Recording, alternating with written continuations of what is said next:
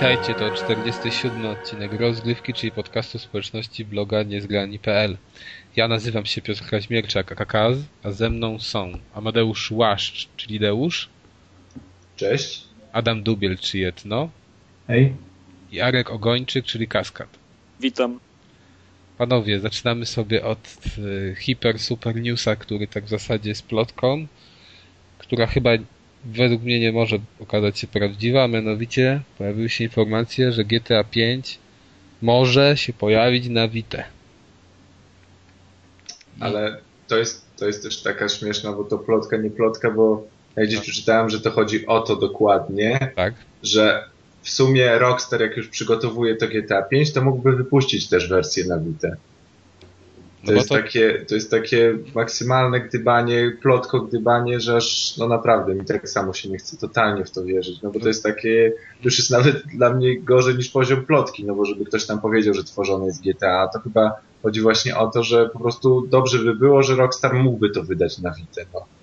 Ale to to tak się- to możemy z każdą grą powiedzieć. Mhm, bo to się pojawiło na okładce bodajże jakiegoś tam magazynu GTA 5, coś tam, jakiś podtekst o Wicie i nie wiadomo tak w zasadzie o co chodzi, ale no właśnie dlatego o tym mówimy, czy ja chciałem o tym powiedzieć, e, dlatego, że chciałem wam, wam się z was się zapytać, czy wy chcielibyście GTA 5 w GTA 5 grać na Wicie zamiast na mm, stacjonarnych konsolach? No, jeżeli mielibyśmy Vita, znaczy się, gdybym ja miał Vita, to i tak bym wolał na stacjonarnej konsoli w to zagrać, więc...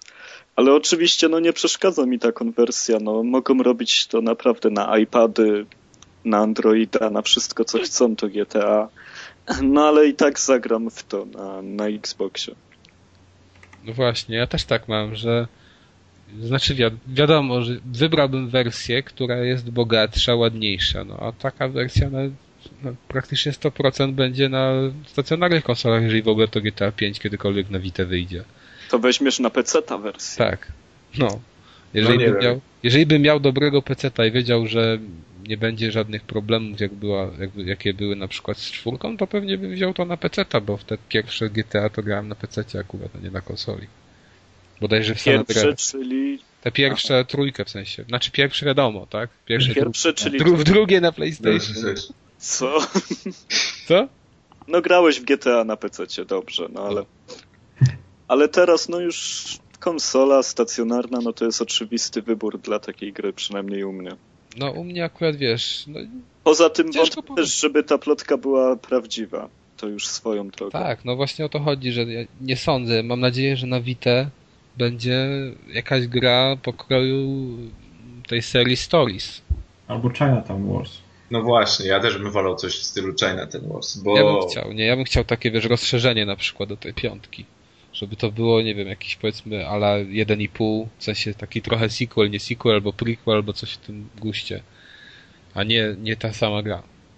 No tak, ale wydaje mi się, że tu też jakby zrobili to w 3D i, i, w jakiejś takiej zaawansowanej grafice, to, to, to też nie wiem, czy to by wypaliło mimo tej mocy obliczeniowej Wity, no to, to, to jednak mi się wydaje, że jakby poszli coś takiego jak Chinatown Wars na PSP, czyli taki jakiś widok izometryczny, taka animowana grafika, to to by mogło naprawdę bardzo fajnie się sprawdzić.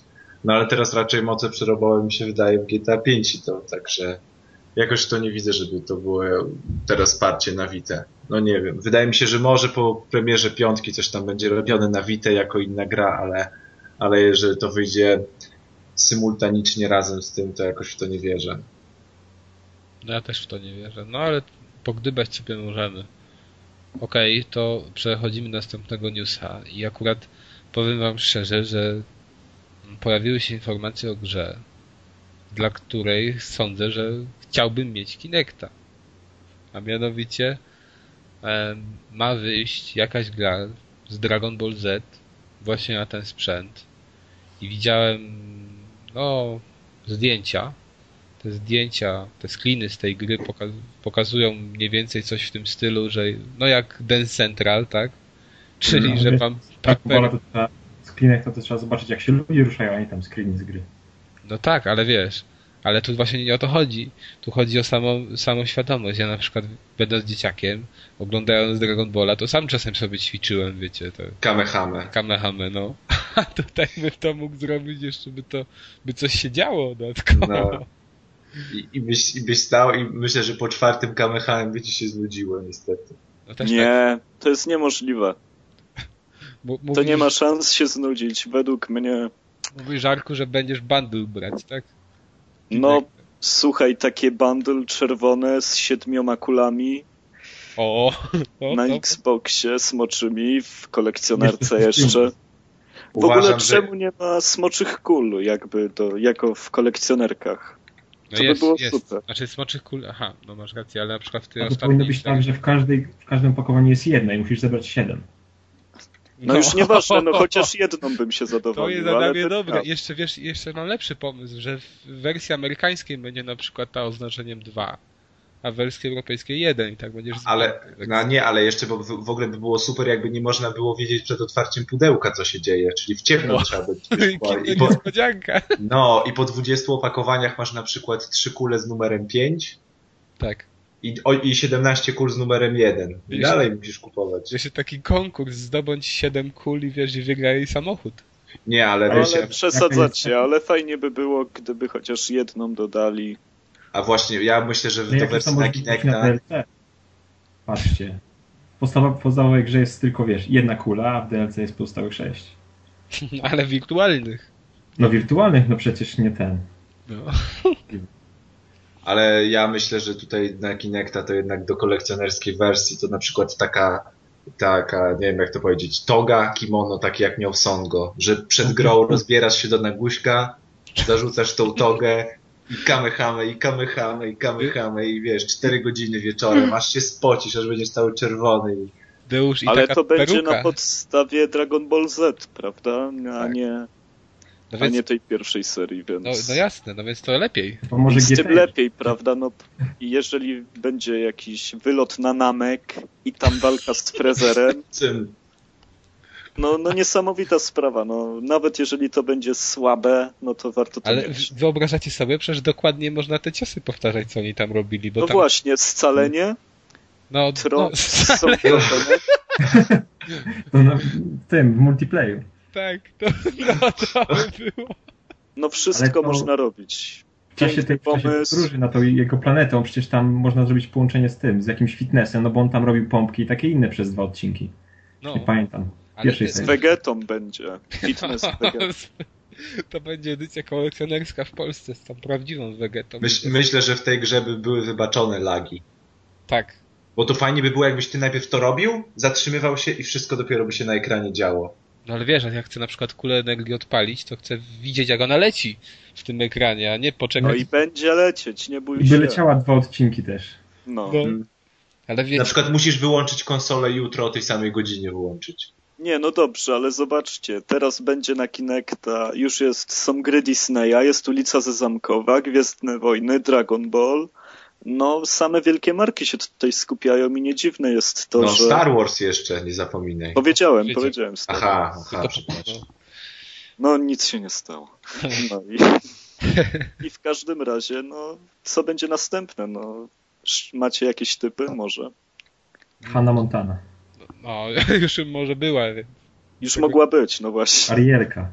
Ja bym przytulił Jamesa Bonda. Metallica będzie do Kinecta. Mówisz? No, albo z Ozzy Osbourne, będziesz gołębie. jadł. Myślę, Nieważne. że Justin Bieber, a i się będziesz musiał A, opędzić Marilyn od pana. Manson. Operację plastyczną. Dla tych, co wiedzą. Marilyn Manson. O Jezu, dla tych, co wiedzą. Będziesz żebra Arku chciał wycinać? Ale no, no chyba już Nie. wyczerpaliśmy temat. Nie, jeszcze, jeszcze nic, nikt nic nie powiedział o temacie porno i Kinecta, ale to... Ale temat porno się jeszcze pojawi. Ale się jeszcze pojawi. No więc mówiliśmy o temacie porno, to trzeba od razu do niego przejść. E, Najpopularniejszy wpis na niezgranych. tak, ty jesteś fanem serii Persona, czy się mylę? Kto? Y, Czyli ja? Tak. No tak.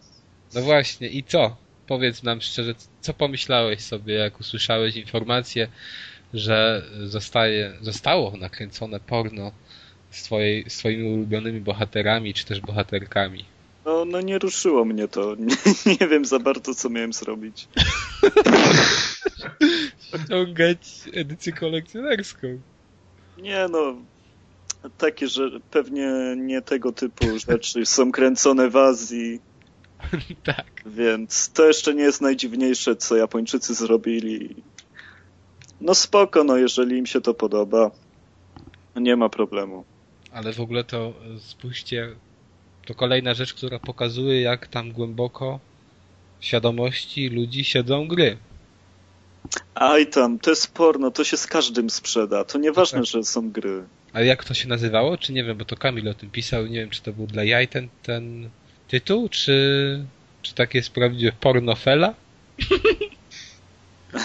Nie wiem. Tak było, ale nie wiem, wiesz, czy on sobie to czasem nie napisał dla jaj. Ale myślę, myślę, że nie znam japońskiego rynku, ale myślę, że Sprzeda się. nawet osoby, które nie grają na konsolach i nie wiedzą, co to jest persona, jak sobie idą do sklepu, to też tam sobie kupią ten film, jak, jak, jak takiego szukają, takiej tematyki. Myślę, że ludzie nie są wybredni, jeśli chodzi o ten gatunek filmowy. Aha, mówisz. Ja myślę, że mógłbyś się zdziwić. Tak? To nie wiem, to, to mi opowiesz w przerwie. W takim razie. Bo bo to są już- casualowie i hardcore, więc wiecie. No. Tak, ale Deusz, zajrzyj jeszcze sobie do tej twojej wypożyczalni obok. Mhm, dobrze. I zapytaj, co najlepiej schodzi. Tam ludzie pisali komentarze pod tym newsem, że najgorsze jest to, że prawdopodobnie będzie tylko 5 minut pierwszych nawiązujących do persony, a potem będzie standardowa młódzka. No i ja, ja napisałem, że, no i ja napisałem, że i tak będą wszy, to, to w takim razie te pierwsze 5 minut wszyscy będą przewijać, nie? No bo po co to oglądać? Ale dobra, bo za długo chyba nad tym newsem siedzimy. Dobrze. No tak, tutaj Adam nawiązał bardzo ładnie do walki, jaka się odbywa, Walka klas. tak, walka klas między casualami a hardkorowymi graczami, o której wspomniał e, społecznościowiec, tak można nazwać, Janek Klausa u nas na Niezgranych i no, powiedzmy sobie szczerze, że został trochę zbity z tropu przez ludzi komentujących jego wpis. Jak raczej, zjecha, raczej zjechany.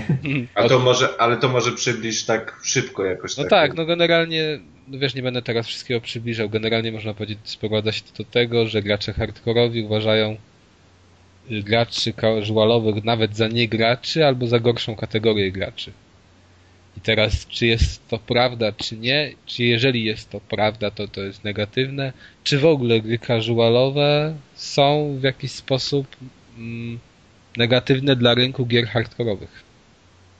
To jest Znaczy się- Tam był jeden bardzo trafny komentarz, bo tylko trochę przeglądałem to, co się działo wok- wokół tego wpisu, że e, porównanie, czy każdy, kto ogląda filmy, jest kinomanem. No nie jest. A dla graczy nie ma takiego określenia jak To mój, to mój post. O, no to widzisz, jesteś bardzo mądrym człowiekiem młodym. Widzę przed tobą przyszłość. W jakiej Świat branży? No porno, nie? w Japonii. No. W każdym razie, e, no to było chyba najlepsze podsumowanie. Można jeszcze się bawić w inne analogie, że no e, nie wiem, e, te gry takie typowo iPhone'owe w stylu Angry Birds, stawiające na szybki gameplay po parę minut, to są tacy bokserzy tej, nie wiem jaka jest najniższa waga, musza, tak? A, a ten boks, który tak naprawdę pasjonuje wszystkich i nakręca, to jest jednak waga ciężka. Tam są te legendy. I, i tak to można też podzielić. No, ja bym naprawdę wrzucanie tego do jednego Akurat- worka. akurat wiesz, większą ilość ludzi pasjonują Angry Birdsy niż ta. Nieprawda. To, że jest jakieś 700 milionów ludzi to pobrało, to każdy pobrał to sobie na cztery sprzęty po pięć razy i się ta liczba powiększa. No Połowa z tych ludzi tego nie odpala. Inni zapomnieli już o tym i, i wiesz, na pewno tyle osób nie gra, no to musi być Ale wyolbrzymione. nie, ale chodzi o to, że wiesz, no to się przebiło do masowej świadomości i tutaj będzie komiks, film jeszcze inne bzdury. No ale co, no wiele rzeczy się przebiło do masowej świadomości, no. Nie, A no, na, na uniwersum Angry Birds nie można nic zbudować, bo nie ma czegoś takiego jak Uniwersum. uniwersum Angry Birds. Y, Tutaj ludzie myślą, wiesz, robią jakieś pomysły na Bioshocka, film na, na Mass Effect, nie wiem co jeszcze. Ale Angry Birds nigdy nie będzie nikogo elektryzować. To jest ta różnica. Nie no, to Angry Birds to jest oczywiście trzepanie kasy z tymi wszystkimi tam uniwersum całym, jak to nazwałeś. Ale wracając do samego tekstu, to dla mnie jest ciekawe to, bo ja czytałem ten tekst kiedyś tam, znaczy w autobusie, jak wracałem do domu po świętach. Eee, I po przeczytaniu jego w ogóle nie miałem, w ogóle miałem inne wyobrażenie na temat tego, co było tam napisane. Bo ja sobie pomyślałem, okej, okay, koleś napisał, że gry na komórki to też są gry i, i, i one też są fajne. No bo to jest racja. No tak, i z takim zamknąłem ten tekst, a później zacząłem czytać komentarze, to nagle zobaczyłem, że ludzie tam zobaczyli w ogóle inne rzeczy niż ja. Więc nie wiem. no, no ja na tyle z tobą jakby nie będę dyskutować, bo dosyć pobieżnie to przeczytałem. Mogę się tylko odnieść do, no do, tej, do tego problemu, czy faktycznie te gry szkodzą rynkowi graczy, nie wiem, czy hardkorowych, czy korowych, czy jak się ich teraz nazywa, bo hardcore to jest samo core bez hard, żeby gry były łatwe, ale żeby były za duże pieniądze. Ja, ja nic nie rozumiem z tych podziałów. Taka jest też prawda. No tak, no ale to uważacie, że mogą one szkodzić w jakimś stopniu? Według, no, mnie, według mnie szkodzą, no bo przyspieszają całą, wiesz... E, jak się może poczuć ktoś, kto robi przez dwa lata grę za miliony dolarów, która się nie sprzedaje, e, w kontrze do dwóch ludzi, którzy na kanapie zrobili, wiesz, Minecrafta i, i teraz siedzą w kapeluszu i się wymądrzają na Twitterze, nie? No, no gdzie tu jest sprawiedliwość po prostu? No jednak świat jest niesprawiedliwy i także w tej kwestii wyborów konsumentów. No i właśnie o to chodzi, że przez tego typu gry może się okazać, że ci twórcy, którzy tworzyli te pozycje, o których ty mówisz, za te miliony, którzy włożyli w to masę pracy, mogą się przerzucić na te tańsze, łatwiejsze i, i z szybszym zarobkiem. No to już się dzieje, nie? No tutaj nie ma co równolegle do problemu tego, że tam, że casuale, znaczy, że gry casualowe tam są tańsze i łatwiejsze, to też y, ważnym czynnikiem jest to, że im nowszy, w sensie, w sensie, że nowsze generacje sprzętu, teraz jeszcze nowsze generacje tamtego PlayStation 4 będą generować jeszcze większe koszty produkcji i to też w jakiś sposób zabija, no bo nie możesz sobie pozwolić na niepowodzenie. Ale... A, tak, tak, to już tak. To ja wydaje, teraz... że to jest że to jest jedna wielka ściema, którą nam wciskają, żeby Mówi, że to ściema? E, tłumaczyć że... rosnące ceny wszystkiego. A nie, a ja jeszcze mam takie pytanie, nie uważacie, że trochę teraz jest tak z tymi wszystkimi grami indie, które tam wychodzą na Steamie i tak dalej, że trochę gracze jakby przeceniają i jak się jest teraz prawdziwym graczem, to musi się mówić, że nie cena stanowi o wartości gry i gry indie są 8 razy lepsze od wielkich tytułów i po prostu jaka by nie wyszła platformówka, która po prostu będzie pikselowa, albo będzie czarno-biała, albo będzie jakaś nam się będzie skakało i ona będzie za 3 dolary na Steamie, to ona już według prawdziwych takich core, core, hardcore graczy, to ona właśnie będzie lepsza niż Mass Effect, bo ona jest sklecona w garażu i to jest prawdziwe indie i prawdziwa sztuka. Ale sranie bursztynami zawsze było, więc to nic nowego. Bo, bo mi się trochę wydaje, że ostatnio no naprawdę jest za dużo, zdecydowanie za dużo się uwagi właśnie przywiązuje tym grom indie i że to jest takie prawdziwe, a każda gra duża i ogromna to już jest to już jest powtarzanie pomysłów i nie, już my w to nie chcemy grać i dajcie nam gry indie. No to jak dajcie nam gry indie za 3 dolary, no to my wam będziemy robili te gry indie, a, a nie podobają wam się te produkcje za parę milionów. No nie wiem, tak mi się ostatnio, tak mi się przynajmniej wydaje jak dla mnie ten, e, ci wszyscy tacy właśnie prorocy typu ten koleś od Minecrafta, czy, czy tam inni twórcy tych małych gier, które się sprzedali, to ja na razie o nich nie będę nic mówił, tylko poczekamy aż wypuszczę jakąś inną grę i zobaczymy, czy ona też będzie taka przełomowa, wielka i w ogóle. Czy to nie są po prostu kolesie, One hit wonder, nie? No właśnie. No, no, no tak mieli też szczęście i teraz są stwani. Nie, no wiadomo, stworzył się nowy rynek, ktoś musiał na tym skorzystać jako pierwszy, drugi, trzeci. No, to też się wyczerpie. A gry duże będą trwać, no, no bo jednak. No bo widać, że w tym są największe pieniądze. Ale no, nie, premiery no, ale, wielkich ale, ale ty też powiedziałeś to, że to e, że to, że rosną koszty produkcji gier i dlatego jakby jest ich e, mniejsza liczba, to tak nie jest do końca prawda. No, no tak wydaje mi się, się że jest w jakimś stopniu to prawda, bo zobacz sobie ile gier wyszło na tej generacji, a ile gier wyszło na poprzedniej generacji konsol. No, no dobrze, no ale zobacz ile gier jest na Unreal Engine 3. I teraz niech mi ktoś wmówi, że po tych 10 latach napierdalania tego Unreal Engine 0101 i jeszcze tego nie potrafią i muszą tyle milionów mieć, żeby się nauczyć. Tylko wiesz, koszta pewnie... Przecież to jest, wszystkie gry są tak podobne do siebie, że oni już wszystko wiedzą, jak mają robić, tylko zmieniają jakby ten korytarz jest pomalowany w las, ten w fabrykę i się Ale- idzie. Ale ciężar pewnie kosztów przesunął się z samej produkcji. W sumie nie, nie, nie ten. Tak tylko sobie teraz gdybam, że ciężar produkcji z samej tam właśnie e, takiej rzemieślniczej roboty, czy tam sztuki programowania przeniósł się na to, żeby tak nagrać 10 tysięcy odgłosów, zrobić motion capture twarzy i nosa i potem jeszcze wydać e, 100 milionów dolarów na, wiesz, na reklamę na IGN. Nie wiem, mi się wydaje, że te wszystkie koszty są potężnie zawyżone, żeby to jeszcze lepiej brzmiało I żeby jeszcze drożej to sprzedać.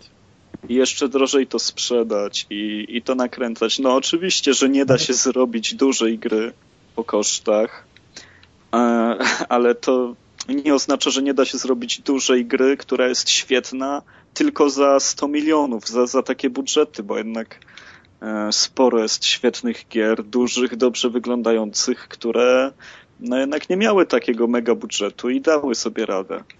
Nie, no tak, ale jeszcze. A nie, dobra, już zapomniałem, chciałem powiedzieć. Nie, to co, to przejdziemy sobie dalej chyba. Mam dzisiaj dużo jakichś takich tematów, e, nie wiem, okołogorowych, felietonowatych, może tak to lepiej nazwać. Dobrze. To i dobrze. Um, zmiana frontu. To chyba też Kamil pisał o tym, czy rozważamy w przyszłości, czy przy okazji tej najnowszej generacji, która wyjdzie, nie wiadomo do końca kiedy, zmianę opcji. Bo chyba to dotyczy graczy, którzy, którzy mają konsolę danej firmy i czy zamierzają ją zmienić. No, a pewnie jak ktoś ma trzy konsole, to zawsze ma tę jedną ulubioną. Czy zamierza się przerzucać na sprzęt konkurencji? Jeżeli tak, to od czego to zależy? Jeżeli nie, od czego to zależy? Jak wy to widzicie? Macie ochotę się przesiąść? No ja już to zrobiłem parę razy, więc Więc ja wiesz, mam że- konsolę każdej firmy w domu i no z PlayStation 2 przesiadłem się na Xboxa Wonder Słona 360. masz? Nie, nie. No ale mam jednak konsolę i Segi, i Sony, i Nintendo, e, i Microsoftu, więc jestem tak e, ten. Boże, jak to się mówi? Nie wiem. Jestem neutralny jak Szwajcaria w tym No, temacie. U mnie zadecyduje cena. M- mówię to wprost. Czyli nie ma to znaczenia na przykład dla ciebie, że tam masz achievementy, gdzie ile ich masz zdobytych, że na tym koncie masz, nie wiem, jakieś gry kupione i może na ten nowy sprzęt będzie... Oczywiście, no, z pewnością mnie jakoś tam zaboli utrata mojego konta, ale e, to, że kupię powiedzmy PlayStation 4 nie oznacza, że w, potem sobie nie, nie Tak, załatwię tak, tak. też Xboxa i po prostu pierwsze kupię to, które będzie e, oferowało więcej gier i będzie tańsze, bo gry będą tak jak teraz bardzo podobne. I nie widzę sensu w przywiązywaniu się przesadnym do, do platformy, skoro różnica jest w dwóch, trzech tytułach akurat w moim przypadku. Pada, pada. No a pad jest lepszy w Xboxie, no, no i No właśnie nie jest. Jak to chodzi? O mój Boże, jest. No, no naprawdę, no. Ja nie wiem, ja, nie, ja powiem ci szczerze, że gram ostatnio na X... Generalnie teraz w tym roku to w zasadzie gram na dwóch konsolach, na Xboxie i na Wii. I I Wii jest lepszy.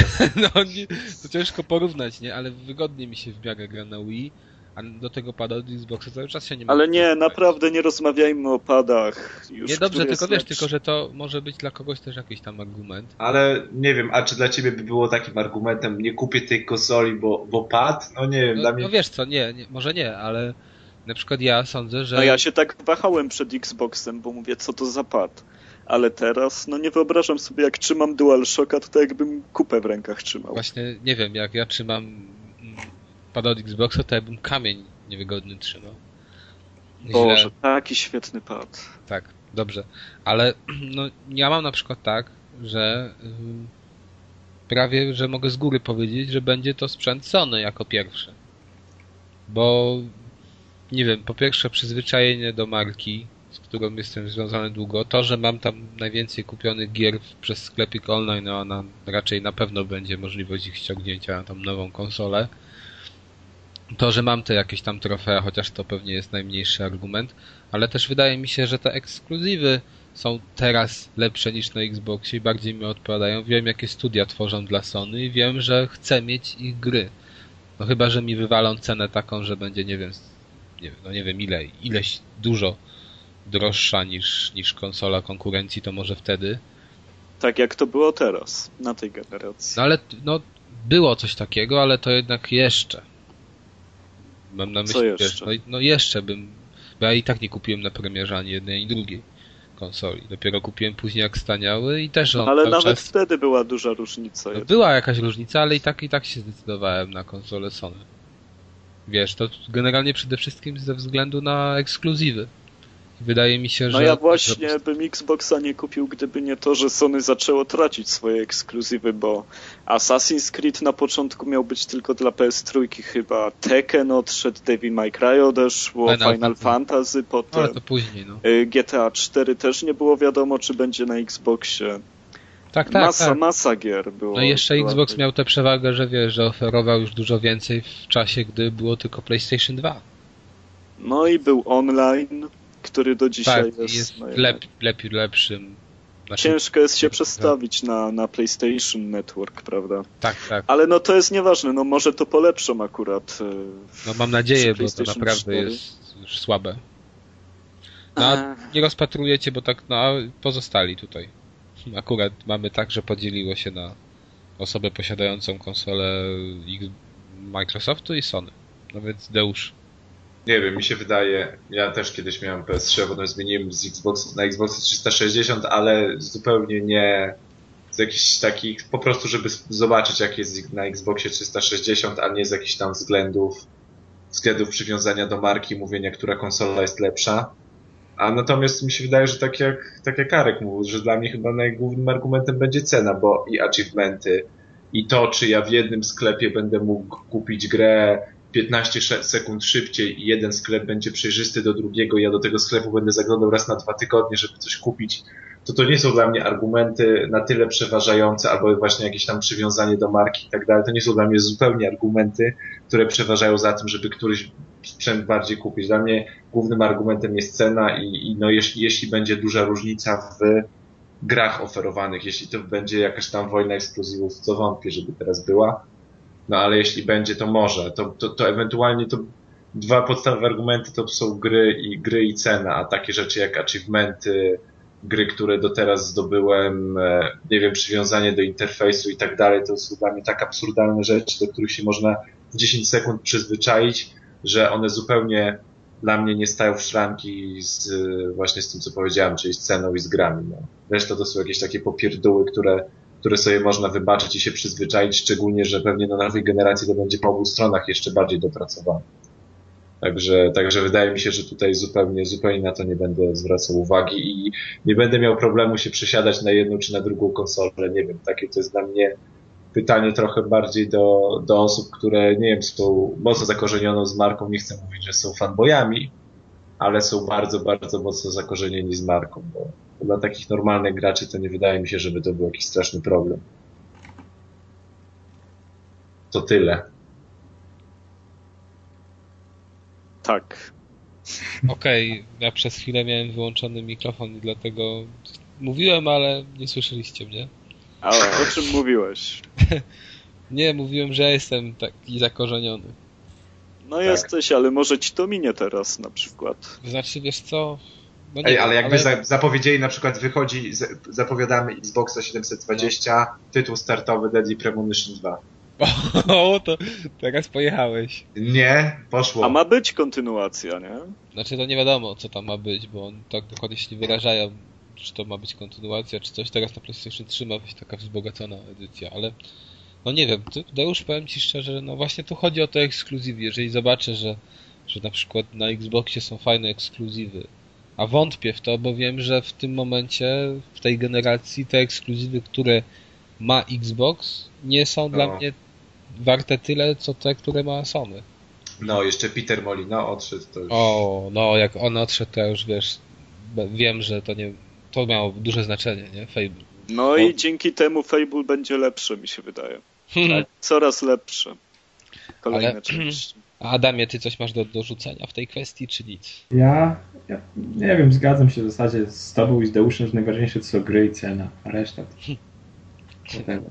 No dobra, to może jeszcze kolejny taki temat felietonowaty, który znowu poruszył Kamil. Czy trzymamy gry? To znaczy, czy kolekcjonujemy gry, czy może je sprzedajemy, wymieniamy się? Jak to u was jest? No ja tylko powiem na szybko, że u mnie to zależy po prostu bardzo często od ceny. To znaczy, jeżeli kupuję gry na premierze, to bardzo często je wymieniam, chyba że to są naprawdę tytuły, w które bym mocno grał po sieci, a to się praktycznie nie zdarza. A zostawiam sobie częściej gry, które kupiłem za małe pieniądze, bo wiem, że i tak ich nie warto sprzedawać.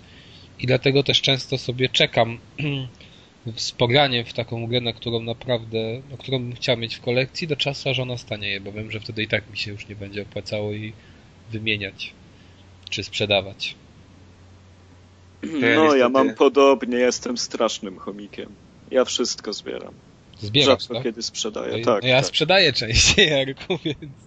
No ale mówię, że też podobnie, że czekam jednak. Masa moich gier, Aha. które mam na półce, kupiłem za maksymalnie 50 zł. Czyli czekasz, aż one stanieją, tak? Nie, no po prostu lubię gry, które, których nikt nie kupuje, więc na Allegro nagle są tanie, nie?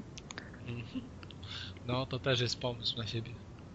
Ja Ja, z kolei ostatnio o sprzedaży, nie wiem, trzy czwarte tych gier, których mam, bo stwierdziłem, że właściwie to tylko stoją i się kurzą. Nie ma z nich żadnego pożytku, nawet za jakąś tam nie za wysoką cenę. Żeby O, a ja na przykład Mass Effecta trójkę kupiłem dwa tygodnie po premierze za 110 zł i z online passem i z kodem na Golda. Więc da się nawet szybko dorwać te gry, które teraz wychodzą i, Zostaje? i zostaje u mnie na półce potem to wszystko. no to, no to ja mam dokładnie tak samo, dokładnie tak samo jak wy, że jak już zejdę do tego poziomu, kiedy interesuję się grą, bo już jest tania, to potem mi się nie opłaca sprzedawać. I nawet z grami, które kupuję jakoś tam wcześniej, czyli na premierze, to są duże tytuły, to po pierwsze nie chcę mi się z nimi rozstawać, bo są na tyle jakby ważne, że, że kupiłem je na premierze, a po drugie ja zawsze mam takie tempo kończenia gier, że jak na przykład było z Deus Exem, że w momencie, kiedy ja skończyłem grę, no to tam kupiłem to za pełną cenę, a to już na Allegro chodziło po 70-90 zł, także, Mm. także, a jeszcze na, na horyzoncie majaczył dodatek, także to już jest taka cena, że już mi się nie chce hulać po tych Allegro, po pocztach i kupować te wszystkie koperty bąbelkowe i niestety wygrywa nad tym lenistwo. Ale tam koperty bąbelkowe w gazetę zawijasz i wysyłasz. I masz w No. dupie komentarze.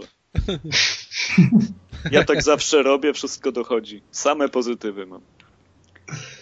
No ja też No, ale dla znajomych sprzedajesz, pod, podbijają ci pozytywy, także. No wiadomo, wiadomo. Dobrze. E, to jak? To sobie jedziemy chyba dalej i wracamy do newsów. Zostały nam w sumie trzy związanych bezpośrednio z grami. Mm, Może zaczniemy od tych z Japonii znowu. Nap, Namco, Capcom i Sega zaczęły współpracować i ma z tego powstać gra, która powstaje bodajże na 3DS-a i ma być takim ala RPG-iem. Nie wiem, czy ktoś z Was pamięta, ale było już coś podobnego, chyba nie włączając w to Segi, Namco z Capcomem robiły podobną grę, która niestety pozostała tylko i wyłącznie dostępna w Japonii. Ale nie, to było na PlayStation 2 coś było takiego. No było, ale to był, znaczy nie wiem czy to było na PlayStation 2, chyba tak. Może masz rację, nie pamiętam już dokładnie, ale wiem, że to nie wyszło u nas. Możliwe. To było chyba Nie nawet Namco Cross Capcom, czy coś w tym stylu. Tak, tak, tak, tak. Może tylko w Ameryce wyszło. Nie, wydaje mi się, że w ogóle nie wyszło poza Japonią, ale no mogę się mylić. No w każdym razie ja na takie coś, takie coś chętnie bym pograł. I, I mam nadzieję, że akurat ta konkretna gra na 3DS-a wyjdzie poza granicami Japonii. Bo jednak takie łączenia uniwersów są fajne. Co pokazały chociażby, nie wiem, gry na Wii, gdzie, są połącz- gdzie jest połączenie tego Street Fightera z, tymi, z tym studiem, z jakim to jest? Capcom i Tatsunoko. Tatsunoko, no, no, no, właśnie. E, Która wspierała dobre recenzje i ludzie się jarali tym, że są połączone te dwa światy. No Zresztą ludzie się jarali, że to są- była świetna gra. Tak, ale wiesz, ale generalnie crossovery są ciekawe. I szkoda by było, gdyby to nie wyszło poza granicami Japonii. O, w kwestii crossoverów to Dead or Alive z Virtua Fighterem mogą wyjść i to będzie po prostu mistrzostwo, czyli to się uda. Jak ja bym chciał, żeby te plotki się potwierdziły, to nie wyobrażacie sobie. Ja myślę, że Deadly Premonition X Margin to było coś super. Nie da się niestety, są pewne światy, których nie, nie da się. Chociaż Japończycy są zdolni do wszystkiego, skoro można Nobuna, Nobunagę z Pokemonami połączyć. To... No właśnie. I wychodzą w Ameryce, wychodzą. No, ale to Pokemony. Więc dlatego. Dobra, Ale do Europy może dotrze. Resident Evil 6 będzie zawierał podobno według twórców 30 godzin kampanii dla pojedynczego gracza, która będzie się skupiać na trzech bohaterach. E, Już wiemy, że będzie to strzelanie w biegu, że jednym z bohaterów będzie syn głównego złego Weskera z poprzednich części. No, na pewno z piątki, ale chyba wcześniej też, teraz nie pamiętam. I co? I jeszcze będzie polska wersja językowa w formie napisów. Ja tam w każdym razie widząc trailery, które są już pokazywane i krążą po sieci, akcja ma się dziać też w jakimś kraju Europy Wschodniej, czy generalnie w Europie Wschodniej, może bez podania konkretnie. Nie, to jest chyba jakiś fikcyjny To kraj. jest... No właśnie, Wymyślał sobie Tadży, Tadżykistan albo tam. tak. Polonio, Tisk, nie wiem. Tisk, Socja so socjalistyczny Związek Państw Nadbałtyckich. no ale nie. No w każdym razie no mi się podoba to, tylko no boję się tego, że to strzelanie Strzelanie i bieganie, co? to będzie do dupy, bo nie, nie będzie już tego aspektu takiego trochę taktycznego z tych poprzednich gier. Czyli to już będzie zwykła strzelanina, a nie Resident. No, trochę, znaczy to już nie jest Resident od czwórki, ale to jest coś innego, ale bardzo fajnego. No, teraz to będzie jeszcze bardziej uciekanie w stronę ku nowościom. Co akurat nie wiem, akurat no, to mi się podobało w tych, w tych Residentach do tej pory, że one jednak trzymały się tej tradycji, mimo że większość ludzi uważała, że ona jest zła, to mi się to na swój sposób podobało. To, że nie mogę chodzić, bo to było coś wyjątkowego w tych czasach. Znaczy nie mogę chodzić i strzelać, bo to było coś wyjątkowego w tych czasach. I nie wiem. Nie miałbym nic przeciwko, żeby to pozostało dalej. Zobaczymy, co z tego wyjdzie. No tylko, że znając Capcom, to trzeba się liczyć znowu z tym miliardem dodatków. To jest coś, czego się boję. No i jeszcze oczywiście Gold, Gold Edition może- będzie po dwóch latach. No, po trzech. Co, Po co, pół roku będzie. co mówiłeś, Adamie? Że w DLC, takim wiesz, na day one dodadzą chodzenie i strzelanie z online passem. No. O, może rację. Multiplayer znowu będzie sprzedawany osobno. Jako klucz 100 kilobajtów. Ja nie wiem, jak można takie coś, czy nie ma jakiejś organizacji konsumentów, że pozwalają na takie rzeczy. To już dawno przekroczyło granice wszelkie. Tak, Jak Capcom wyciąga pieniądze. no właśnie. To aż... My, myślę, że to Ale jest i tak masa osób, które się na to godzą. No dlatego Jeszcze właśnie... powiedzą, że, że to się opłaca. No, po powiedzą, że to nie jest tak, że zawartość gry jest ci dana po prostu. To, No. to wiesz, to nie jest tak, że ci wycięli 6 postaci, czy na, na 15. To po prostu tak jest, no, no to nie jest nic złego. To jest fajnie, fajnie. No. Bo mogłeś ich nie lubić. Jak nie lubisz, to nie Tak. kupisz. Bo gdyby, gdyby ich nie wycięli, to by ich nie było. Ale gdyby nie, bo gdyby było 15, bo gdyby było 15, a nie 6 postaci, to musieli ci sprzedać tą grę za 400 zł, bo O, tyle tak. kosztował, bo proces, bo produkcja gry pochłonęła 500 milionów dolarów i. To, jedyną, ta, ta opcją, jedyną to jest- opcją to jest wydojenie najwierniejszych fanów, którzy wesprą nas i po prostu wyrównają, chociaż żebyśmy my wyszli na zero, bo my też nie musimy zarabiać, tylko robimy tą grę dla was. Okej. No już nie ma chyba co się wgłębiać w ten temat. Więc ostatni news. Arku, oddaję ci głos. Halo? Tak. Bo... Halo Dzień dobry. 4 wyjdzie, wygląda genialnie. E, zamkę odpowiada członek Massive Attack.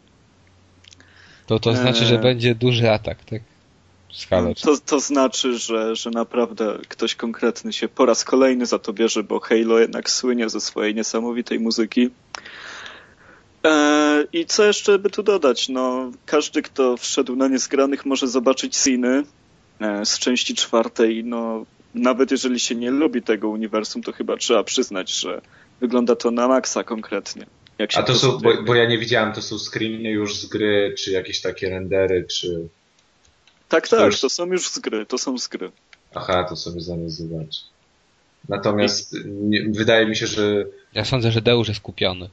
nie, niestety puls mi nadal nie skacze. Nie wiem jak te screeny musiałyby wyglądać, żeby, żeby mi podeszł po, po, chociaż puls o 5 tych, o, o 5 skoczył. Także no niestety, nie jestem, z- nie jestem zakorzeniony w uniwersum Halo i, i Ale to nie trzeba być, to po prostu Skakuje wystarczy się. sobie wyobrazić, że wielka, niesamowita, pompatyczna strzelanina, która ma naprawdę rewelacyjny system oryginalny, Ale nie do to- podrobienia, wychodzi. pompatyczna, to dla mnie to uniwersum zakrawa o, tak, o taką śmieszność, że to- to jest Ale tylko znaczy- poziom, po, poziom idiotyzmu. No już rozmawialiśmy o tym kiedyś, ale poziom idiotyzmu w, w, w Halo jest tak duży, że niestety nie potrafię dostrzec. O mój że- Boże, żeby Mass. Effect miał tyle sensu co Halo, to, to, to bym naprawdę był zakochany. O, ale, ale Ma- Mass Effecta mam gdzieś mniej więcej na równi z Halo, także. No, no to nie wiem, co tak nie ma sensu jeszcze. Jakie są super gry? No Call of Duty, nie? Na przykład, no ale to też nie lubisz pewnie. Nie, Call of Duty lubię niestety. No i gdzie tam sens? E, Ale w Call of Duty Sens w jakiejkolwiek dozie realizmu, w jakiejkolwiek. No przecież, Boże, Halo jest dużo bardziej realistyczny. Nie, no wydaje mi nie, no niestety jeszcze sobie mogę wyobrazić e, gościa, który wpada z M4 i rozwala. A wiesz, że multiplayer Halo 4 jest inspirowany Call of Duty i będzie bardziej podobny do Call of Duty? O proszę. Haha. No to Haha. już teraz. To już brzmi. Tak, mam, mam nadzieję, że w czwórce się nie będzie wyskakiwało i się nie będzie próbowało małego, śmiesznego, niebieskiego kosmitka z tarczą trafić w dubsko. O Jezu, jakby był poważny wojny. z brodą, to by bardziej to pasowało. No Co za dokładnie. No jest obcy, no. Niech będzie śmieszny. Może dla nich to my jesteśmy śmieszni i patrzą, o co za człowieki głupie. Ale Ale śmiech. Alku, Alku, miłość do Halo nie jest za granicą. Nie wiesz, czy kosmici się z nas nie śmieją, to jak my z nich, a wszyscy to biorą jakby tylko z naszej perspektywy patrzą. Znaczy na- wiesz, może być tak, że to ci kosmici, którzy widzą grę Halo, się śmieją z tego, jak my sobie ich wyobrażamy w grze Halo. Ale, ale mnie nie obchodzi, jak mnie kosmita widzi. No ja gram w grę i mnie obchodzi to, co ja czuję grając w grę. A nie, mm, śmieję się i nie podoba mi się ta gra, ale jakby to było z perspektywy kosmity, to zajebisty tytuł. Nie, nie to powiedziałem. Ale nieważne, Halo 4 wyjdzie w tym roku, będzie gnój, pozamiata. Dobra, To jest całe moje Ale podsumowanie. ja mam tylko pytanie, a po trójce, to, tfu, po trójce, co ja mówię, a to się nie miało skończyć już, że tam, Miało, miało. aha, czyli jednak postanowili specjalnie dla fanów czwórkę zrobić, Tak. tak? Nie dlatego, żeby zarobić pieniądze, tylko na prośbę. Masz rację, dokładnie tak. To dobrze. Lubię takich, właśnie lubię takich deweloperów. Tak Ja najbardziej. też to doceniam. Okej, to co, przechodzimy sobie już do, do omówienia gier, całych dwóch, jakie dzisiaj przygotowaliśmy. I zacznę nieskromnie od siebie, no bo tutaj Arek ma hita. Oj, No, ja nie chcę powiedzieć, że mam shita, bo mam bardzo dobrą grę, ale już starą dosyć. A mianowicie grę, która no i właśnie na konsolę, która nie ma żadnego już znaczenia i która już przestaje istnieć powoli, albo już nawet przestała. Czyli na Wii. A gra Ale masz się świetną grę, więc tak też nie wprowadzaj, bo to Tak. jest super tytuł. w 2008 roku gra się ukazała. Co ciekawe, nie ukazała się ona w Stanach, tylko w Japonii, w Europie i w Australii. A gra nosi tytuł Disaster Day of Crisis. I to wcale nie jest taki okropny Crisis jak te Crisisy e, amerykańskie, czy jakie tam, chyba To amerykańskie. są niemieckie. A, przepraszam, Niemieckie. tak, tak, niemieckie. Verfluchten. No, tu na, na szczęście Niemcy się za to nie brali, a wzięli się za tą grę Japończycy i efekt jest, y, no, co najmniej dobry. Sądzę, że to jest jedna z gier, którą powinno się mieć, jeżeli się ma Wii. A dlaczego? W ogóle może, może zacznę od fabuły. A fabuła to jest takie, nie wiem, czenie Jamesa Bonda z jakimś Iną Jonesem, y, plus jeszcze z jakimś filmem katastroficznym i ratowaniem dzieci. Więc mamy sobie naszego bohatera, który jest, uwaga, uwaga, ratownikiem medycznym i pewnego pięknego dnia pracuje przy wulkanie. Wulkan wybucha, jego kolega ginie, a on sobie nie może tego podarować, jego kolega ginie. No i ten jeszcze kolega, zanim, zanim wpadł do lawy, to krzyknął do naszego Rajmunda i mu powiedział, że ma się zaopiekować jego siostrą. No i Rajmund tak cały czas żyje duchami przeszłości, bo minął rok. Cały czas tej siostry, tego swojego najlepszego kumpla nie odwiedził. No a tutaj dostaje informację, że jakiś tam, nie wiem, nie pamiętam już teraz, rząd go powołuje do jakiejś misji tajnej i Rajmund nasz się pyta, dlaczego on został wybrany do tej tajnej misji, na co okazuje się, że dlatego, że organizacja, która jest śledzona, porwała właśnie siostrę najlepszego przyjaciela Rajmunda, który nie żyje od roku. I Rajmund rusza na jej, jej na pomoc tej siostrze. I to, co tu się rozgrywa, to jest coś niesamowitego, bo mamy tak. W ciągu 24 godzin, bo w takim czasie ta gra się dzieje, e, mamy huragan, powódź, wybuchy wulkanu, pył wulkaniczny, y, skoki z samolotu na spadochronie, y, jazdy samochodem, uciekanie przed tsunami. Arku, ty jeszcze grałeś, to coś jeszcze tam jest? Coś mi umknęło teraz. E, nie wiem, bo się zawiesiłem. W każdym razie wszystko, prawie że wszystkie katastrofy, a trzęsienie ziemi oczywiście, jakieś huragany ognia. Niesam... Brak jedzenia. Tak, brak jedzenia. Niesamowite rzeczy w ciągu, w ciągu całej gry nas spotkają.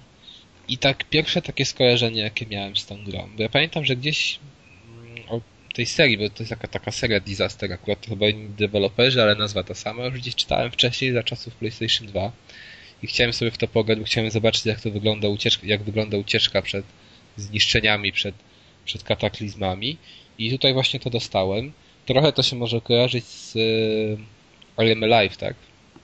Z tą najnowszą grą. Ale sądzę, że tu jest dużo więcej kontentu w tym zawarte. No nie grałem w Am Alive, ale z tego co czytałem i... Nie, no masz rację, masz rację. Poza tym to I Am Alive czerpie z Disaster, a, a nie odwrotnie. Tak, i... Przecież co jest jeszcze ciekawe, oprócz tego, że mamy tyle rzeczy tutaj do robienia, a jeszcze oczywiście strzelamy, no tak, przez James Bonda zapomniałem takie, to jest jedna chyba z naj, najczęstszych rzeczy, jakie robimy, strzelamy. I teraz co jest ciekawe, wszystkie te rzeczy y, są ro, robione w naprawdę sposób y, nieprostacki, ale fajnie pomyślany, y, wykorzystujący przy tym wszystkie, wszystkie zalety Wii. No, jeżeli ktoś myśli, że Wii nie ma zalet, to się myli, bo ma Tutaj chodzi generalnie o kontroler, o jego fajne wykorzystanie. To znaczy, jeżeli na przykład jedziemy samochodem, to trzymamy Wii tak jak kierownicę i przechylamy. Przechylamy tym kontrolerem na prawo i lewo i tak nasz samochód skręca. Czy w przypadku, gdy, nie wiem, gdy robimy sztuczne oddychanie jakiejś napotkanej osobie, która straciła dech, no to tak jakby uciskamy, tak? Czyli, tego, czyli trzymamy poziomo i, i uderzamy, znaczy uderzamy i zniżamy nasz kontroler w odpowiednich momentach i inne tego typu rzeczy. I to jest naprawdę świetnie wykorzystane i świetnie poprowadzone i wbrew pozorom, bo czytałem wcześniej o recenzji tej gry, to nie jest festiwal takich quick time eventów, dlatego, że tu są nawet takie wątki jak rozszerzanie umiejętności bohatera, bieganie po mieście, szukanie jakiejś tam drogi, szukanie chyba jakiegoś nawet klucza, no leczenie rannych osób, które spotykamy. To się naprawdę... po, tym, po tym, jak bardzo się tą grą podniecasz, znaczy może nie podniecasz, ale cieszysz, to wnioskuję, że to jest niesamowity krab. No właśnie to nie jest krab. No ciężko mi to powiedzieć, bo to jest w jednym... No to tym bardziej utwierdzasz mnie w moim... W jednym, w jednym aspekcie, znaczy, może tak, można pomyśleć, że to jest gra dla Kaza, ale to nie jest tylko gra dla Kaza, bo to jest na pewno gra dla... Dla wszystkich nie, trzech dla... użytkowników Nie, no, ojej, no właśnie. Może tak, dla wszystkich użytkowników Wii bo ona jest naprawdę fajna i, i właśnie chociażby ze względu na wykorzystanie, na fabułę, która jest nawet śmieszna, bo tam są, a przepraszam, zapomniałem jeszcze o tym, że mamy jeszcze walkę z terrorystami nuklearnymi, którzy kradną bombę i chcą ją wysadzić. Mamy Może idiotek... Na orbicie detonują. To co? Na orbicie detonują. Tak, mamy, mamy ludzi, komandosów, którzy są obrażeni na rząd i tę bombę kradną, bo naprawdę cuda się tu dzieją ten nasz biedny bohater to wszystko naprawia i ratuje tych ludzi z tej, z tej katastrofy, która spotyka miasto. Miasto jest zniszczone dokumentnie. Więc y, co tu powiedzieć? Jeszcze o akcjach, o strzelanych elementach. Wygląd... Strzelanka w tej grze wygląda tak, jak na automatach arcade się strzelało, nie wiem, Virtua Cop. coś w tym stylu. Ale co ciekawe, możemy bohatera rozbudowywać, czyli na przykład może mieć inne bronie, może mieć lepszą broń, tą, którą trzyma, może szybciej przyładowywać inne takie aspekty, które bardzo nam pomagają. Możemy też do, do, brać udział w dodatkowych trybach, takich jak no właśnie szkolenie umiejętności strzelania, które nam odblokowuje jakąś nową broń i inne takie tego typu rzeczy, które są naprawdę fajne. E, jeżeli chodzi o grafikę, no to to jest takie PS2, nawet ciężko powiedzieć, no nie najgorsze, ale też nie najlepsze, więc to trzeba przeboleć. Jeżeli chodzi o muzykę, to muzyka jest naprawdę świetna. Nawet nie wiem, ale tam w pewnych momentach jest jakby taki chór, który mi ewidentnie przypomina ten chór, który brał udział przy nagraniu głównej piosenki, znaczy głównego utworu do Demon's Souls, tego otwierającego. I, I ta muzyka jest naprawdę świetna w tej grze. E, oprócz grafiki to praktycznie każda rzecz tu się sprawdza. Nie ma też prawie że frustracji. Występuje ona w dwóch momentach podczas jazdy samochodem, gdzie trochę źle rozwiązano tam system checkpointów, ale poza tym nie, nie można tej grze zarzucić, że ona jakoś tam frustruje. To ele, te elementy strzelania są naprawdę fajne i przypominają nam czasy arcade. E, elementy RPG też się sprawdzają. Naprawdę ciężko powiedzieć, co w tej grze miałoby się nie sprawdzić. Aż się chce w nią grać, bo cały czas się jest zaskakiwanym jakimiś nowymi elementami, jakimś nowym e, elementem wykorzystania Willota, jakąś nową sytuacją, jakąś nową katastrofą, która nas spotyka. Praktycznie nie możemy przewidzieć, co się w następnej chwili stanie. W jednym momencie jedziemy z góry i uciekamy przed lawą, e, zaraz nas goni niedźwiedź, Później, jak nas goni ten niedźwiedź, wchodzimy do domku, gdzie jest samotna dziewczynka, musimy się nią opiekować i ją tam uratować. Zaraz ta dziewczynka wpada do rzeki, my, my wskakujemy do rzeki i ją ratujemy. I ta gra po prostu ma takie tempo, które, które nie zwalnia wręcz do samego końca. I na, naprawdę się dziwię, że nie wiem, że to jest gra tak pominięta. A ją można dostać za bardzo małe pieniądze. Eee, na Allegro. Ja kupiłem za bodajże 39 zł, więc. I też nie jest krótka, bo jest na, starczy na jakieś 8-9 godzin. Jest tam taki system znany z arcade, czyli podbijanie punktów, więc jeżeli ktoś lubi coś takiego i, i lubi rywalizować, to sobie może, może w tę grę dłużej grać. No jest to naprawdę coś udanego, coś, co każdy powinien, każdy posiadacz Wii powinien sobie sprawić. Więc ja tę grę muszę tylko i wyłącznie polecić. Nie wiem, czy Archu, ty się zgadzasz ze mną? Jak najbardziej. Tym e, jeszcze warto przypomnieć, że powstawała odsłona tej serii na PlayStation 3, ale została skasowana no niby nie przez te wydarzenia w Japonii z tsunami związane, ale chyba wszyscy wiemy, że to o to chodziło. Znaczy to nie tam, to jest jakoś właśnie, nie wiem, tytuł chyba miała podobny, ale to jest inne studio, bo to studio, które tworzy mi się wydaje, że, że to to samo chodziło. Ale chyba nie, chyba nie, bo to studio, które stworzyło Disaster, ten na Wii, to jest Monolith Soft, a to jest jeden z oddziałów, znaczy jeden, jedno ze studiów chyba wewnętrznych Nintendo. Więc to jakoś tam coś ma, ma wspólnego, ale chyba nie, nie studio developers. No, no nie wiadomo, kto ma prawa do marki, no bo przecież Nintendo nie musi mieć praw, mo mogli tylko ich studio jakby oddelegować do zrobienia tej gry. No nieważne. Zgadzam się z tobą, to jest świetna pozycja na pewno i no jest niezwykła, ale przy tym bardzo zabawna, bardzo udana, pełna akcji. Warto jest grać w takie gry przecież. Tak, tak, warto, na, naprawdę, więc jeżeli ktoś o tym nie słyszał wcześniej, to, to warto sobie wpisać gdzieś na Google'ach i przeklikać, zobaczyć jakieś gameplaye i sprawdzić, czy naprawdę podejmiemy wyzwanie i uratujemy świat przed bombą. Actimela. Przed wojną nuklearną, tak. Okej, okay, to teraz znowu ratujemy świat, Arku. Ale dużo większy. Ale nawet więcej niż świat.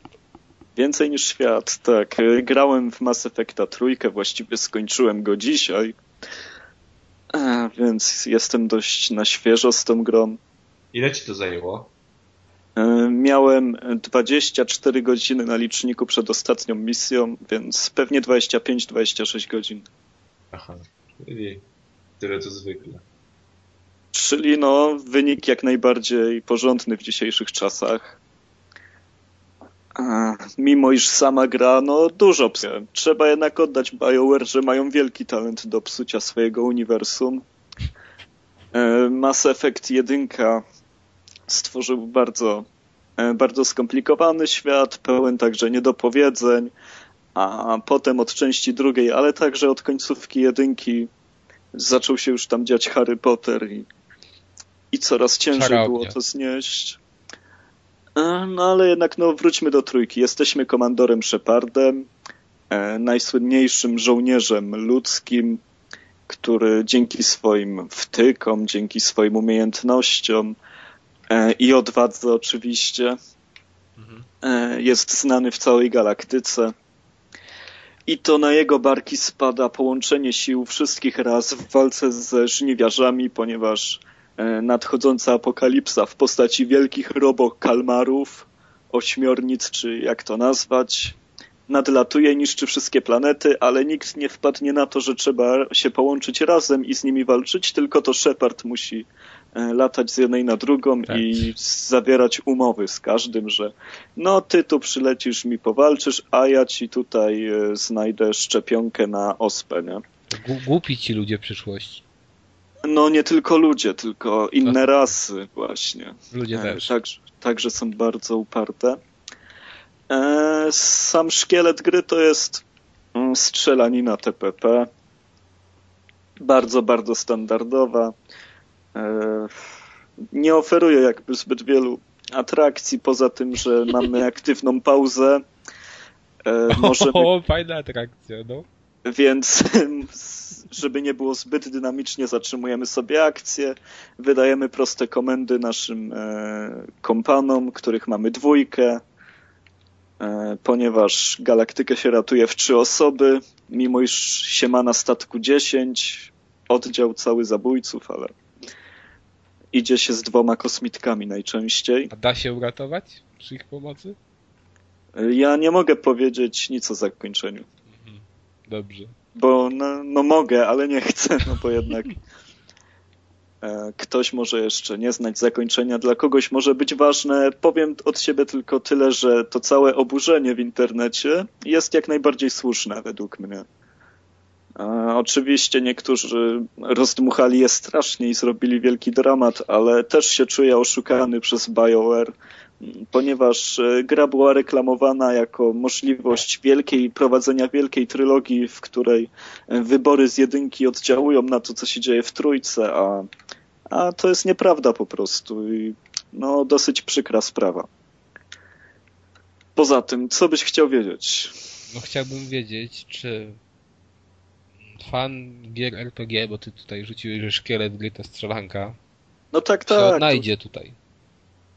No, no ta strzelanka jest tak prosta, że, że się nie da pogubić. No, strzelasz, Wiesz, robisz ale w pauzę, tym sensie się odnajdzie, czy się to spodoba na przykład. Czy to jest gra twoim zdaniem oferowana do fanów RPG, czy do fanów, nie wiem, historii jakichś takich kosmicznych, czy to No to jest, to jest już gra dla fanów Mass Effecta, mi się wydaje. To jest jakby oddzielny minigatunek, który połączył, e, za co zwłaszcza warto chwalić pierwszą część, świetnie RPG e, z grom akcji. Potem jakby ten, e, ta cząstka akcji zaczęła coraz bardziej przeważać. Ale ta ewolucja jest w miarę płynna. Jeżeli się grało w jedynkę, dwójkę i teraz w trójkę, no to mimo kolejnych uproszczeń e, łatwo jest się w tym połapać. A powiedz, Wątpię, żeby ktoś miał problem. a powiedz mi jeszcze, czy jeżeli ktoś nie grał w poprzednie części, może się za to brać? Bez żadnych takich, wiesz... No, no, no ciężko mi stwierdzić. No, no, no. Nie, nie umiem sobie wymazać pamięci nagle, ale wszystko wydaje się tak zrobione, żeby było jak najłatwiej, jak najbardziej po amerykańsku. Shepard w zwolnionym tempie biegnie na swój statek, przeskakuje, e, ratuje ziemię, która widać, że jest niszczona, ale cała ta ziemia to jest jeden korytarz, który ma 100 metrów i już odlatuje z ziemi i wraca na nią dopiero na koniec gry. No ale no niektórzy lubią takie zagrywki, prawda, więc no, no, nie No to- będziemy się to- za to- bardzo to- nad tym pastwić. No, no jest tutaj więcej głupich patentów niż w jakiejkolwiek części serii. Ponieważ dwójka miała także zepsuty początek i koniec, no ale nie aż tak. A, po, czyli jednak wolimy te japońskie rozwiązania. E, w jakim sensie? Fabularnym chociażby. Tam No, też... no, zależy, co rozumiesz, no bo czy japońskim rozwiązaniem jest tutaj Katrin, czy Dragon Quest, bo nie da się tego tak jednoznacznie powiedzieć. Nie, A ja może żartuję, bo w japońskich wiesz, grach jest dużo głupot totalnych, no ale też jest dużo odniesień do właśnie do nadprzyrodzonych, no można powiedzieć nawet do Boga już, tak w zasadzie. I to też ja często odbieram przez taki pryzmat negatywny, ale jeszcze tam to można powiedzieć jakoś kupuje, a taka pompatyczność, amerykańskość to do mnie już tak mniej trafia. Tak, tak, on... Tutaj jest ratowana ziemia, jakby to była ratowana Ameryka, chociaż... Chociaż niby akcja jest dla niepoznaki przeniesiona do Londynu. Arku, przepraszam, ale w tym momencie brzmisz po prostu jakbyś był, nie wiem, mm, jakimś robotem. Ale coś śmieszniejsze, ja słyszę dobrze. Coś O, się to coś- zepsuło na łączach, tak? Coś się u mnie, to poczekajcie, to ja proponuję króciutką przerwę, na, zaraz będzie kącik kulturalny, bo nie wiem, czy to słuchacze słyszą to, co ja w tym momencie. Więc momencik przerwy, zaraz wracamy. Witamy po krótkiej przerwie. Ym, To, Arku, prosimy Cię o dokończenie recenzji Mass Effecta, czy wrażeń z Mass Effecta trójki. No, no nie nazywajmy tego jakąś pełnoprawną recenzją. Mogę powiedzieć, że moje wrażenia są w miarę pozytywne, a, ale ważne jest jeszcze to, żeby zaznaczyć, że tryb multiplayer jest o dziwo bardzo fajny w Mass Effect 3. E, Element, po którym zupełnie nic sobie nie obiecywałem, niczego nie oczekiwałem.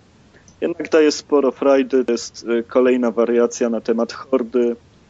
Horda jest zawsze super. Kto Irsy ten to wie. Tak, I tutaj mamy po prostu krótszą hordę, bardziej dynamiczną, dużo mniej polegającą na współpracy, więc granie z przypadkowymi ludźmi wcale nie razi, bo no bo się nie zwraca w ogóle na nich uwagi, każdy zabija co leci. E, No i to jednak jest dużo lepsze rozwiązanie, jeżeli się nie ma stałej ekipy, bo jednak w Gearsach e, współpraca jest bardzo ważna, tak samo pilnowanie pozycji, e, jak dbanie o to, żeby zabezpieczyć tyły i tak dalej, a, a w Mass Effectie trójce w multi można biegać na pałę po korytarzach w kółko, nikogo to nie obchodzi, wszyscy się cieszą, kogoś się ustrzeli, level wpadnie, ziemia się uratuje, wszystko, wszystko gra. no właśnie, więc. Więc jakby co, to jest dużo, dużo fajniejsze niż się mogło wydawać. To jest dobre. Kupiłbyś Mass Effecta 3 dla multiplayera?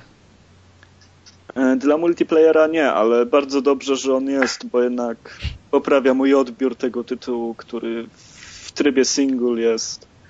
O mój Boże, jaki on jest przewidywalny. Trzeba oddać BioWare, że, że mieli dużo dobrych pomysłów, ale tyle samo, ile mieli świetnych pomysłów, tyle samo popsuli. Mają wielki talent do psucia. A jak już mówiłem. Czyli na tym sobie skończymy, tak?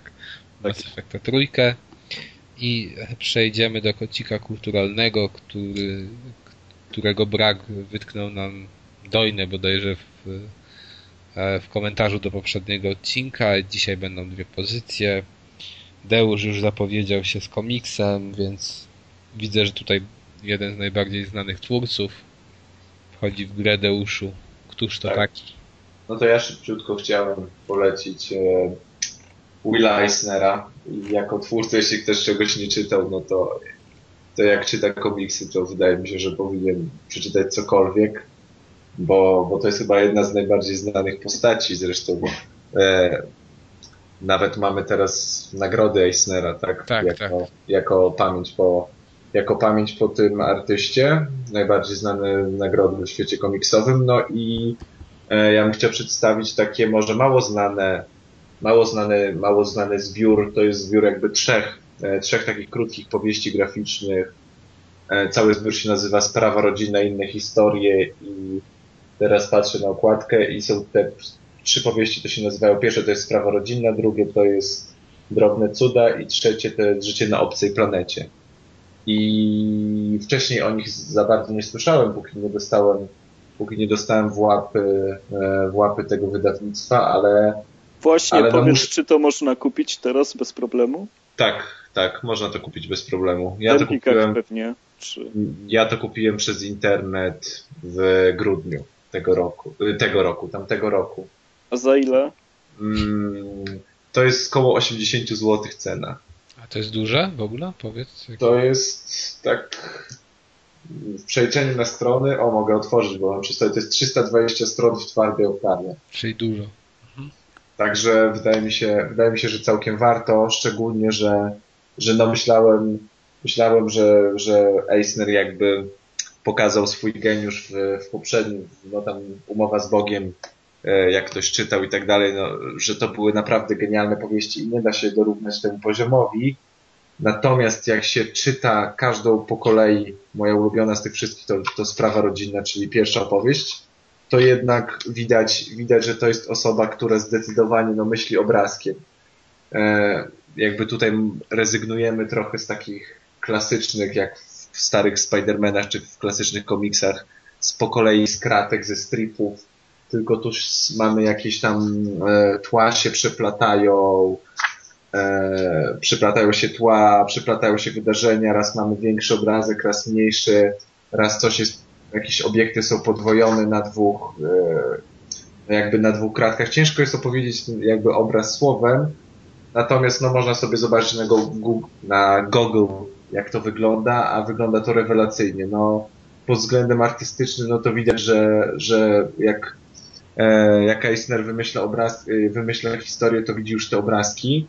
No i same historie też, no, jak, jeśli chodzi o komiksy, to są jedne z najlepszych. Tutaj, tutaj nie ma słodzenia, to są genialnie, genialnie poprowadzone, krótkie historie, które, które tak dużo sobie zawierają treści, informacji, fabuły, E, i są tak, tak mocno niesztampowe i tak bardzo oryginalne, no, że czy to się pochłania dosłownie za, za jednym razem. No, wydaje mi się, że nie mógłbym podać komiksu, który jest w równie podobnym stylu prowadzony, narysowany i napisany,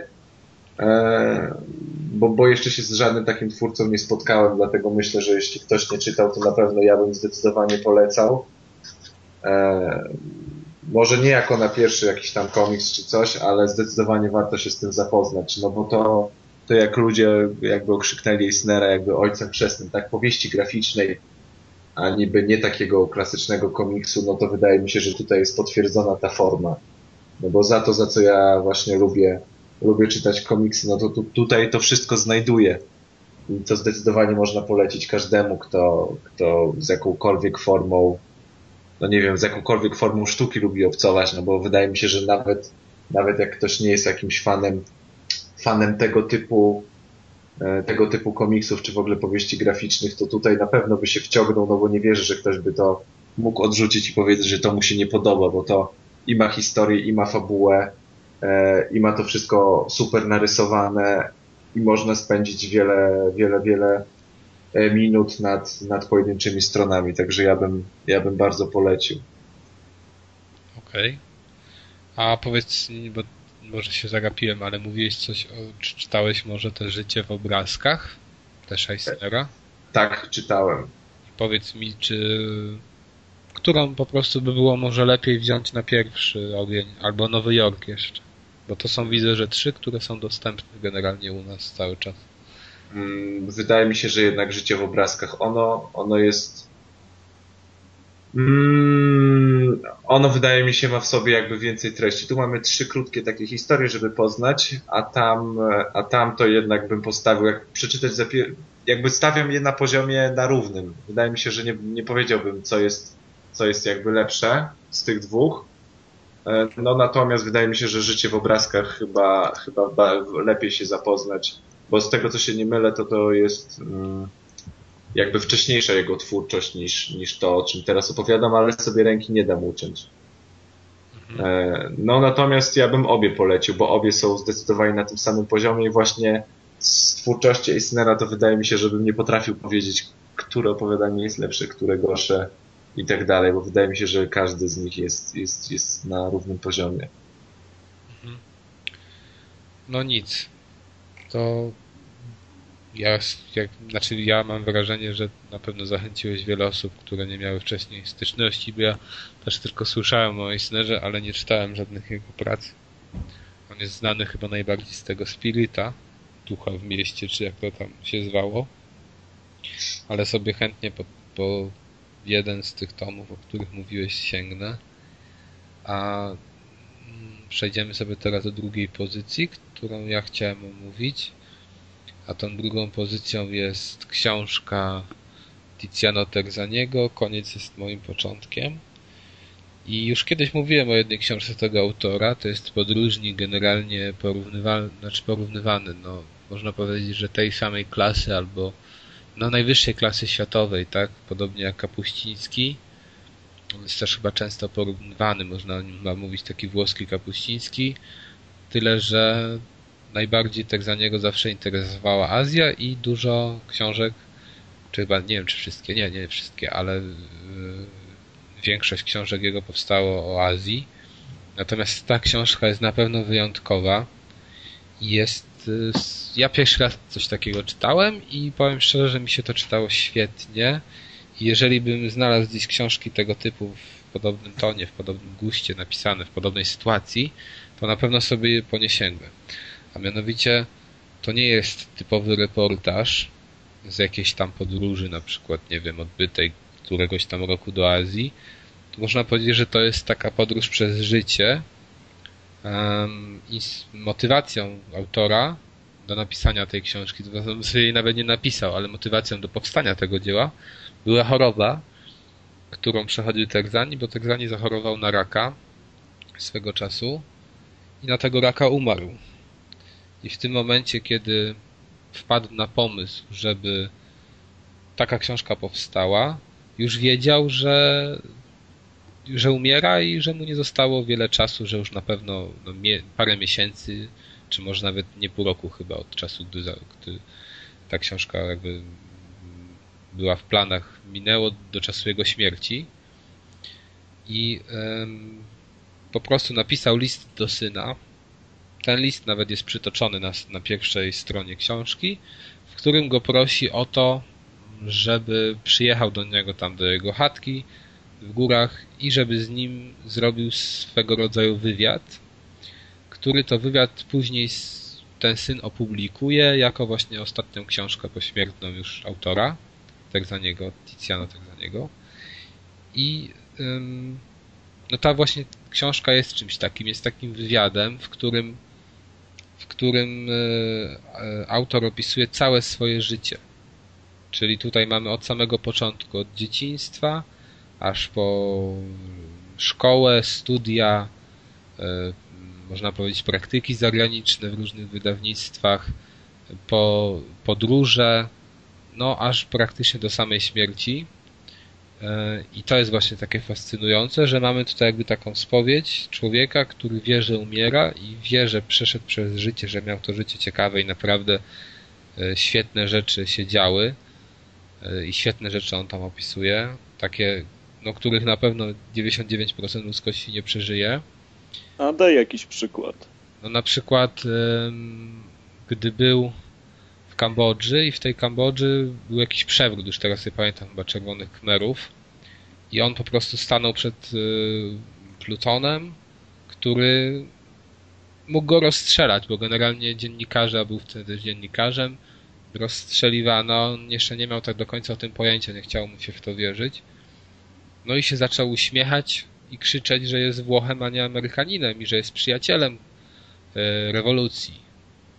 I wtedy faktycznie tam go wysłuchano, jeszcze jakiś Chińczyk tam, znaczy Jezu, jakiś tam, e, nie pamiętam czy Chińczyk, ale ktoś tam się za nim wstawił jeszcze i on dzięki temu przeżył i później opowiadał, że właśnie zawsze jak do ciebie mierzą, do tego syna, zawsze jak do ciebie mierzą z pistoletu czy z karabinu, to się uśmiechaj. Wtedy masz dużo większe szanse na przeżycie i parę razy mu się też zdarzyło tego użyć i zawsze to skutkowało. Czy też opowiada o wróżbitach, których spotkał E, na swojej drodze i którzy tam mu przepowiedzieli pewne rzeczy, pewne sytuacje, które naprawdę się sprawdziły. O takim domu, który zamieszkiwał, e, gdzie obok domu był taki stawik i się okazało, że w tym stawiku tam metrowy żółw sobie żyje i podkrada mu kaczki, które pływają po tym. Ale generalnie no ciężko tutaj, wiesz, pokazać taki przykład, który by obrazował całą książkę. Bo ona jest z jednej strony mówi o właśnie samym życiu, jak wygląda życie w Azji generalnie w tej biedniejszej części Azji, ale też zahacza o Japonię, bo tam też był korespondentem Szpigla w Japonii. I e, co ciekawe, właśnie tu jest pokazany zdecydowanie negatywny obraz Japonii jako kraju ludzi maszyn, tak? Generalnie Azja jest jego ulubionym terytorium, a Japonia jest jego zdaniem jakby miejscem, które odzwierciedla Zachód w pigułce, a nawet przebiło Zachód pod względem, e, no nie wiem jak to, gospodarczym czy, czy społecznym. I to mu się strasznie nie podoba, właśnie to, że ci ludzie tam jakby są zaprogramowani jak maszyny i naprawdę się ciekawie czyta, szczególnie z perspektywy osoby, która lubi Japonię i interesuje się tym tematem. Więc bardzo ciekawe spostrzeżenia. E, bardzo ciekawe rzeczy dotyczące historii, dotyczące właśnie historii ewolucji, tego, jego przemyśle na ten temat, że generalnie wszędzie jest to samo i wszystko się powtarza, tylko są inni przywódcy, inni dobrzy, inni źli. Ale tak generalnie schemat jest taki sam w każdym takim kraju i w każdej jakiejś tam dyktaturze czy, czy w innym systemie. I są pokazane jego poglądy polityczne, jego zmiana tych poglądów politycznych. Są pokazane codzienne sytuacje, które on napotykał będąc w krajach, w których e, przebywał. Bo on nie był takim, można powiedzieć, dziennikarzem, który chodzi na konferencje prasowe i pyta polityków co i jak, tylko bardziej człowiekiem, który się wtapiał w tłum i starał się wsłuchiwać w głos tłumu. Czy ludzi. I te A powiedz mi jeszcze, opisywać. czy tam są no. jakieś zdjęcia w tej książce, tak. czy to jest czy, sam tekst? Y, książka jest podzielona na takie jakby rozdziały, które generalnie nie przekraczają 20 stron. I przy każdym takim rozdziale jest zdjęcie. No, zdjęcia są różne, ale generalnie pokazują właśnie Tiziano Texaniego tam w różnych okolicznościach. Więc są zdjęcia i, i no wiadomo, te zdjęcia odpowiadają też tej treści, która jest zawarta w danym rozdziale. I to też jest super. Są też na, już na samym końcu jakby ym, podsumowania dotyczące życia i co warto robić, no wiecie, taki, taki standard, bo generalnie autor jest, przeszedł chyba na buddyzm, czy na któryś z tych pochodnych buddyzmu i tutaj taką filozofię też wyznaje i, i, i mówi właśnie pokoleniu temu, które jest już po nim, no, no, takie różne prawdy życiowe i to naprawdę fajnie się czyta, świetnie się czyta. Ja nie mogłem się oderwać od tej książki, bo cały czas, bo to jest książka, w której też nie wiemy czego się spodziewać dalej. Bo zaraz możemy przeskoczyć z Kambodży do Japonii, z Japonii do Chin, gdzie też autor został wydalony z tych Chin się dowiadujemy dlaczego został wydalony jak jego dzieci tam funkcjonowały w Chinach, bo chodziły do chińskiej szkoły, a nie do jakichś tam prywatnych szkół dyplomatów. No naprawdę książka pełna fascynujących y, historii i y, taka jest taką zamkniętą klamrą, tak? Od dzieciństwa aż do śmierci. Co ciekawe, mamy zdjęcie chyba, no nie niemowlęcia, ale jakiegoś tam dziesięciolatka tak za niego, a ostatnim zdjęciem no ciężko powiedzieć, ale wydaje mi się, że na 99% jestem pewien, że to jest już zdjęcie zrobione po śmierci. Więc, więc to trochę no widać tą klamrę, która spina jego życie i e, fascynujące życie, które naprawdę warto sobie zgłębić.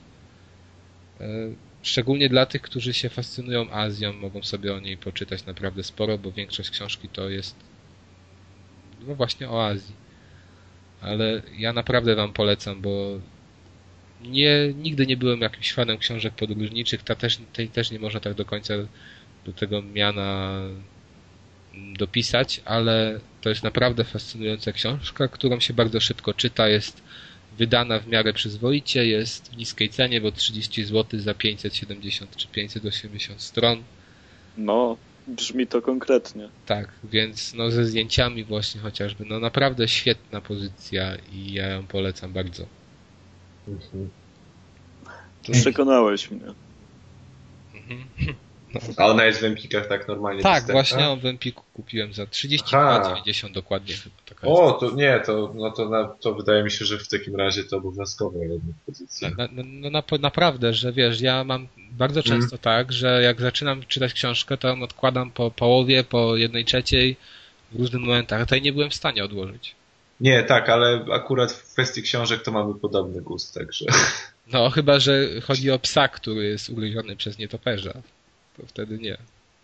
O Kinga, już. No, a nie, o Kingdom, no tak. No. Okej, to będziemy kończyć jeszcze. Adam chyba chciał coś powiedzieć. Ja. No może i chciałem coś powiedzieć. Wstrzymasz się? Słucham? Wstrzymasz się z tym? Nie, nie wstrzymam się. Chciałem powiedzieć, chciałem podziękować wszystkim słuchaczom za ile to będzie, półtora roku słuchania i nagrywania, ponieważ jak pewnie już widzieliście od jakiegoś czasu, coraz mniej się udzielam na podcaście i coraz mniej w nim jest. Po prostu nadeszła taka chwila, że, że przestaję być stałym uczestnikiem podcastu i, i będę już raczej bardziej gościem. Hall of Fame. się na jakiś czas. Słucham? Hall of Fame. nie no, bez przesady. Więc no, niestety tutaj zmienia się coraz mniej czasu, zmieniają się jakieś priorytety i, i niestety podcast gdzieś, gdzieś w tym wszystkim umyka i też mm, coraz mniej mam czasu na śledzenie tego świata gier, więc coraz mniej mam do powiedzenia na ten temat. Natomiast będę się pewnie pojawiał co jakiś czas, jak będę miał coś do powiedzenia ciekawego, albo i nieciekawego. Tak bez obawy. Na podcaście. No to co, to, to chyba wypada tylko podziękować. I... Myślę, że wszyscy płaczą teraz, jak Tak. to słyszę. Ale no, Adamie, no nie mówisz nigdy, że nie będziesz nagrywał po prostu, jak będziesz miał czas, to Nie no, nie no. Mówię, że to będą bardziej występy gościnne niż, niż, niż regularny. niż stałe występy w każdym odcinku. Dobrze. O. To my też dziękujemy. A Arku, właśnie, powiedz nam jeszcze na sam koniec już też, skoro takie smutne chwile nastały, co tam z najgorszym? Oj, najgorszy podcast. Nie wiem, czy ktoś, kto tutaj słucha Na pewno. są- waszego naprawdę. podcastu, słucha także najgorszego. Ale tak, e, postanowiliśmy e, zakończyć nagrywanie, przynajmniej na, no, na parę miesięcy, że, żeby wszystko poukładać tak, jak powinno być. Jeżeli ktoś chce jakieś pytania zadać, e, dowiedzieć się czegoś więcej, to najgorszy podcast wordpress.com bez podcast, samo najgorszy.wordpress.com, wystarczy tam wejść.